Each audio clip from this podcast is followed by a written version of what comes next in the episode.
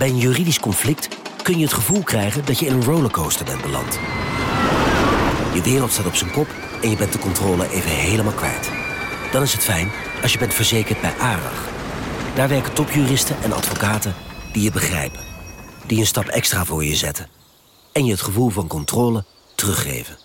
Met kennis en informatie, met heldere uitleg en met gericht advies. ARAG, juridisch probleemoplossers.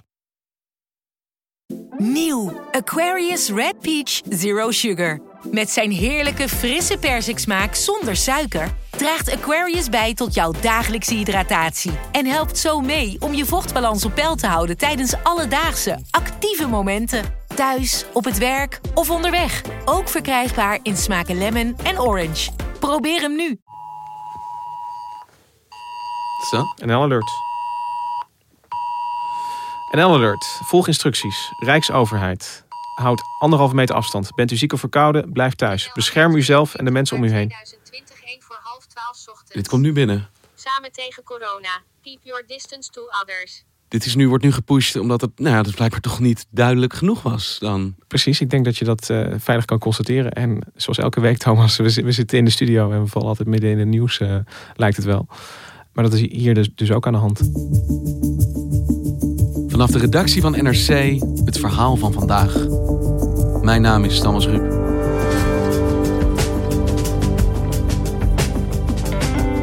De opdracht leek duidelijk.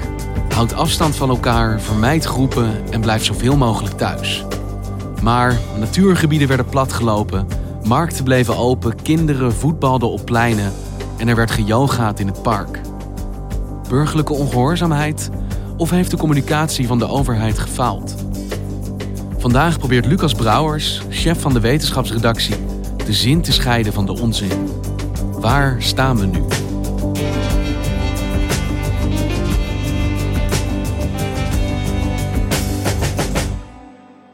Hey Lucas, wij spraken elkaar afgelopen maandag, maar ik denk ons collectieve tijdsbesef is zo in de knoop geraakt dat een dag nu een week is, een week een maand.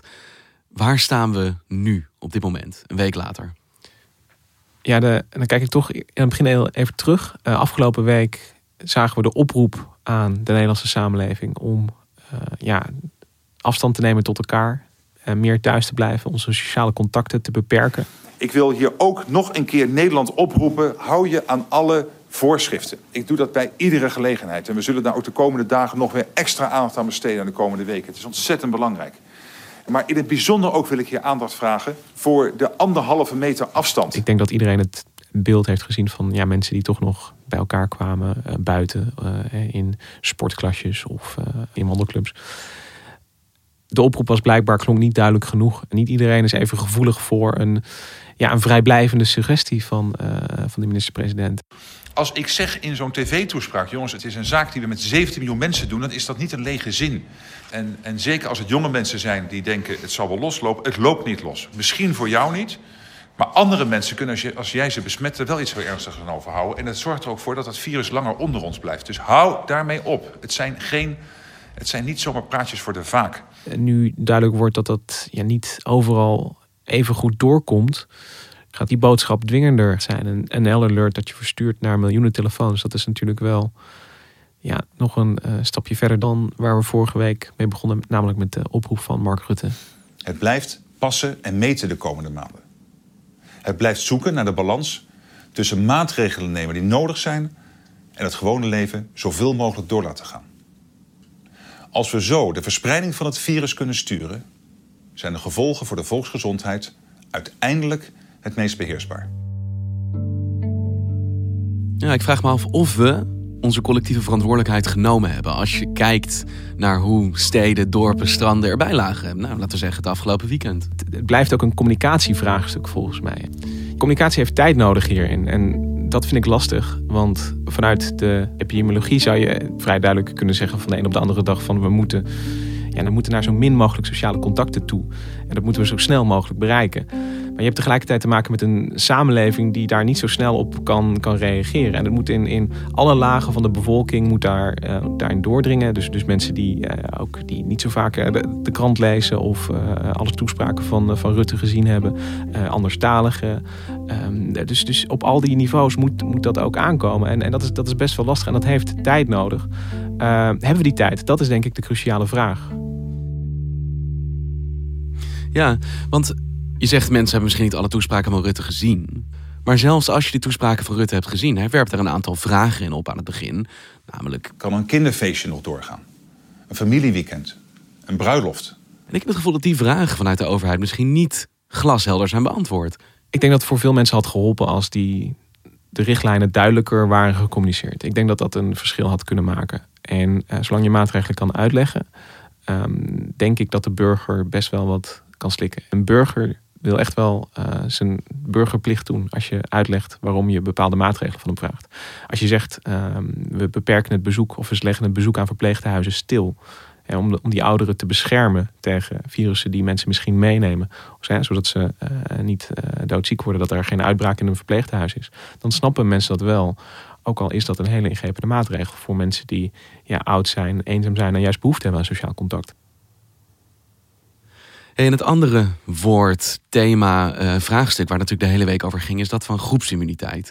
En of dat nou wel of niet het doel is van deze maatregelen. Hoe moeten we daar naar kijken op dit moment?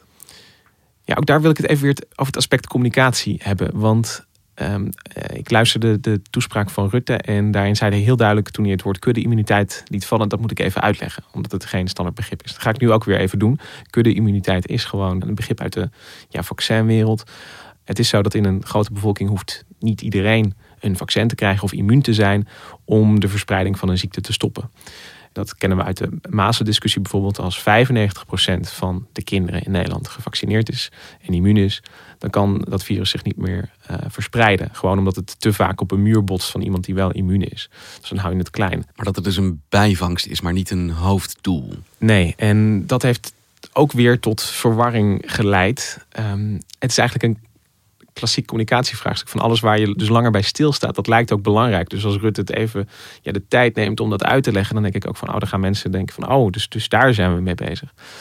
Um, maar ja, zo, zo heb ik het niet gehoord. Maar ik snap wel dat, dat, dat mensen dat gedacht hebben. Nou ja, dat woord is bij ons in de samenleving ook wel geland, denk ik, als dit is een antwoord op deze crisis, een oplossing, een weg hieruit mogelijk. Het is mogelijk een weg hieruit, maar op lange termijn het is niet de, de situatie waar we ons nu in zitten. Hè, dat, dat we met z'n allen thuis zitten. Dat de IC-bedden steeds voller raken. Kudde-immuniteit is niet het, toverstof dat ons daarvan gaat bevrijden. Maar op lange termijn, als we het virus inderdaad niet kunnen stoppen, moeten we daar uh, inderdaad naar gaan kijken. Van raken mensen immuun? Hoe lang blijven ze immuun? En dan kan dat inderdaad ervoor zorgen dat uh, als het virus terug mocht komen, bijvoorbeeld in de herfst, dat de verspreiding dan langzamer gaat.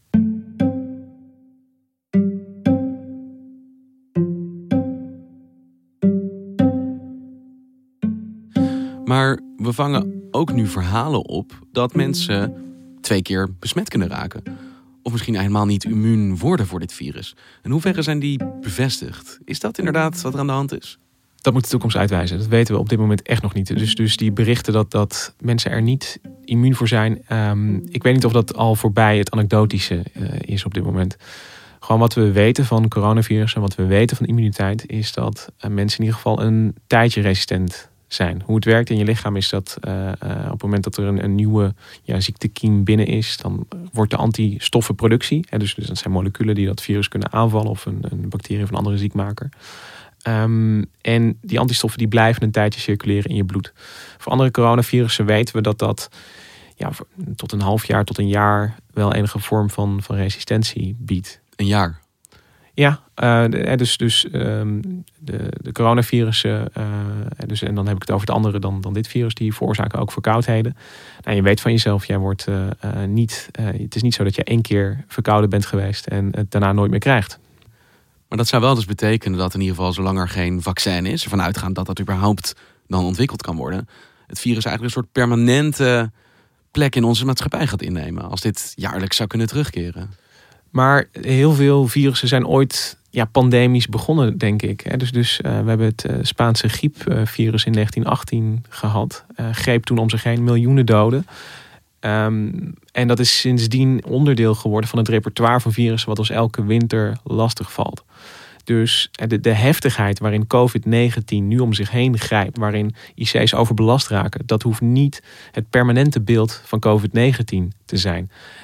En dat is, dat is moeilijk om je voor te stellen. En, en het, het gaat ook een beetje tegen je, je logica in. Dit, dit virus veroorzaakt nu zoveel leed. Je, je, kunt je bijna niks anders voorstellen. En dus als ik het beschrijf dat het heel erg lang bij ons zal zijn, dan klinkt dat ook een beetje eng. Maar die dynamiek kan echt veranderen. Wat ik zeg, als we een vaccin hebben en dus de kwetsbaren kunnen beschermen. En dan, dan, dan maakt dat echt al een heel groot verschil. Als die verspreiding langzamer gaat, dat is ook echt, echt een game changer. Als dat, als dat lukt, dat kan echt een verschil maken. All countries must take a comprehensive approach. But the most effective way to prevent infections and save lives is breaking the chains of transmission. And to do that, you must test and isolate. We have a simple message for all countries test, test, test. Test every suspected case. De WHO, Wereldgezondheidsorganisatie, zegt: ons beleid is testen, testen, testen. Nou, Nederland staat daar zo haaks op. Hoe kijken jullie op de wetenschapsredactie daarnaar? Meer testen is evident beter. Weet je, hoe beter je beeld is van de epidemie, hoe beter je kan ingrijpen, hoe beter je maatregelen kan, kan kiezen. Um, de vraag is wel van, van was je uitgangssituatie daar, uh, ja, was dat mogelijk? In Zuid-Korea zijn al in een vroeg stadium zijn er heel veel testen aangevraagd en, en, en was de staat eigenlijk klaar om snel te gaan testen op het moment dat de eerste gevallen binnenkwamen. Dat is in heel veel West-Europese landen niet gebeurd. Dus er is ja, bijna geen, je kunt geen land meer in West-Europa vinden waar een heel omvangrijk uh, testprogramma uh, wordt gedraaid. Dus, dus dat is, um, ja, meer testen is altijd beter, zeg ik dan. Dat, dat, dat ben ik met de WHO eens.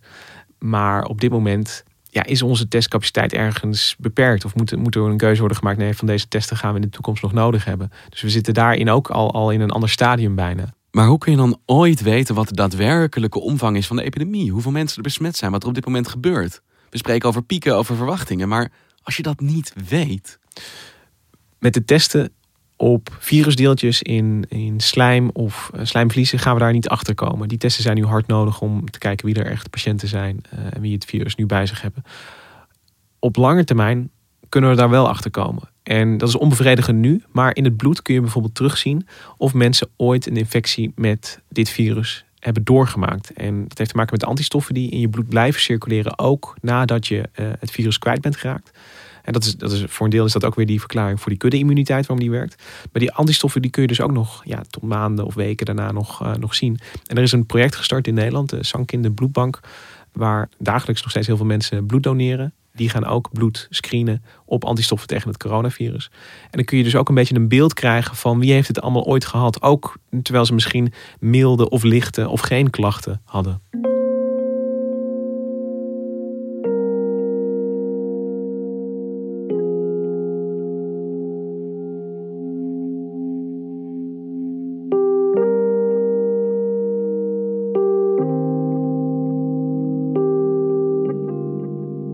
Vorige week was de term die je hoorde flatten the curve. Laten we zorgen dat dat piekmoment wordt uitgesteld. We zien toch wel de cijfers ook in Nederland heel erg oplopen. Besmettingen, maar ook vooral doden. Zijn we nu in die piek beland? We zitten duidelijk in die, in die toename. En uh, als, je, als je het in, in grafieke curves wil denken, we, we zitten echt in die uh, opgaande lijn. En het is even de vraag in, in hoeverre die gaat doorzetten met de maatregelen die nu genomen zijn. Maar dat er de komende dagen nog meer mensen gaan overlijden en nog meer mensen opgenomen moeten worden op de IC's, dat is heel erg duidelijk. Want we hebben het gehad over worst case scenario's, op uh, scenario's die misschien zullen meevallen. Hoe is zich dat op dit moment aan het ontwikkelen? Redden we het? Wat je ziet is dat zeker in Brabant en in Limburg de ziekenhuizen echt heel hard moeten werken om nog te bolwerken. Terwijl de patiënten binnenkomen, ja, moet er nagedacht worden over van, van hoe gaan we dit organiseren? Hoe gaan we onze capaciteit vergroten? Ze hebben natuurlijk te maken met verzuim onder hun eigen personeel, omdat mensen gewoon ziek worden van het virus. Dus dat zijn allemaal ja, logistieke dilemma's die nu gewoon voorliggen. Dus de, de situatie is heel acuut in Brabant. De signalen tot nu toe zijn dat ze het nog kunnen bolwerken. Maar dat is dankzij eh, toch de uh, Nederland brede hulp ook daarin. Hè. Dus, dus coronapatiënten worden ook, zien we de afgelopen week, zijn naar andere ziekenhuizen verplaatst. Om het uit te smeren. Om ervoor te zorgen dat er geen ziekenhuizen helemaal vol komen te liggen. En er moeilijke beslissingen moeten worden genomen. Want hoe komt het dat het overlijdenspercentage in Nederland zoveel hoger lijkt te zijn dan in veel andere landen? Waarom hier? Ja, die vraag stel je me en die ga ik niet beantwoorden. Want ja, ik, ik, ga hem niet beantwoorden, omdat dit is iets wat we achteraf moeten gaan concluderen. Dat heeft te maken met, met hoe landen besmettingen registreren, wel of niet. Ja, als wij weinig testen um, en dus, dus weinig besmettingen constateren, en, uh, maar de epidemie is groter, weten we, uh, dan, dan lijkt dat sterftecijfer bijvoorbeeld veel hoger dan dat het misschien in werkelijkheid is. Omdat er veel meer mensen met COVID-19 rondlopen dan wij in onze statistieken gevangen hebben. Dus... Ja, als je alleen mensen test met ernstige klachten en daar het overlijdenspercentage tegen afzet, dan krijg je natuurlijk een vertekend beeld. Dan krijg je een vertekend beeld. En, en wat je wel kan zeggen is dat um, gewoon in, in het hè, beleid, in de zorg voor patiënten, dat er verschillen zijn. En ja, daar moet je ook bewust van zijn als je op het moment dat je cijfers gaat interpreteren. Wat voor verschillen bedoel je dan? Um, het is afgelopen week bijvoorbeeld duidelijk geworden uh, dat veel patiënten in Nederland niet op de intensive care zijn overleden, maar in een, in een thuissituatie of in een thuiszorgsituatie. En hoe komt dat? Dat komt door het Nederlandse zorgbeleid in het algemeen eigenlijk, dat dat proportionaliteit heet. Dat, en dat betekent dat mensen die um, ja, op vergevorderde leeftijd met veel gezondheidsklachten. Um, in Nederland is het zo dat uh, mochten die mensen ziek worden, uh, ook, ook, in het geval van griep of longontsteking bijvoorbeeld, er uh, in gesprek met de patiënt of met de familie eromheen een gesprek gevoerd wordt van, van ja, gaan we inderdaad nog iemand opnemen op de intensive care terwijl iemand ja, 89 is en allerlei hartklachten heeft en, en longproblemen. En dan, dan kun je het leven misschien rekken. Maar is dat. Uh, mensen komen vaak heel slecht van de intensive care af. Dat is een heel ingrijpend proces. En die, die extra weken in sommige gevallen is dat het waard. Of, of die extra maanden die we daarmee rekken. Of zeggen we besluiten we hier met z'n allen van. Nee, dit is mooi geweest. Dat is Nederlands beleid, dat is Nederlandse cultuur. En dat verschilt ook van land tot land. In Amerika is veel meer een cultuur van vragen om zorg en alles uit de kast halen. En door tot de laatste snik. Door tot de laatste snik. En, en dat is een andere aanpak. En dat werkt ook door in dit soort cijfers.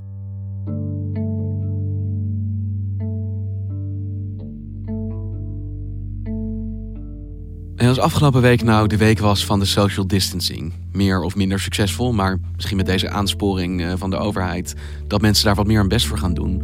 Waar gaan jullie als de wetenschapsredactie, waar ga jij deze week op letten? Wat zijn de signalen die jullie in de gaten gaan houden? Waar we vanuit de wetenschapsredactie op gaan uh, letten is of we uh, een beter beeld krijgen van de epidemie. Dus, dus jij vraagt mij naar die cijfers en, en hoe gaat het nu? En, en ik hoop dat we op een of andere manier uh, toch een beter blik krijgen op wat gebeurt er nou? En gaan we signalen zien van afnemende verspreiding? Hoe voorbarig dat misschien ook is. Maar wat we met z'n allen hebben gedaan de afgelopen uh, week en, en al een beetje daarvoor, hè, dat, dat we de samenleving echt uh, ingrijpend stil hebben gelegd. Dat moeten we niet vergeten. Dat is echt, dit is ongekend uh, in, de, in de recente geschiedenis. of dat genoeg is om de groei van, of om de verdere verspreiding van het virus genoeg af te remmen. Toch beter leren begrijpen wie deze vijand nou precies is. Ja, alles wat, alles wat we gezien hebben is blijft het gewoon een, een, een heel naar, naar virus. Maar uh, er wordt keihard gewerkt. Uh, dus niet alleen door zorgmedewerkers, maar ook door wetenschappers om ja, toch er grip op te krijgen. En uh, dat, dat gaan we proberen te verslaan. Dankjewel Lucas en nou, succes. Zet hem op.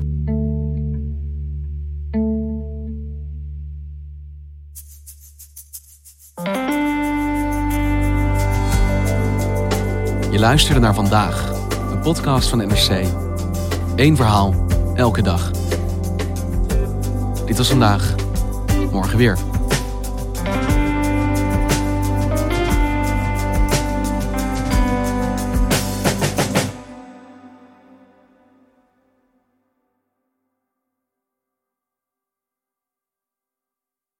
Je hebt aardig wat vermogen opgebouwd. En daar zit je dan, met je ton op de bank. Wel een beetje saai, hè? Wil jij, als belegger, onderdeel zijn van het verleden of van de toekomst? Bridgefund is een slimme fintech die een brug slaat tussen de financiële behoeften van ondernemers en van beleggers.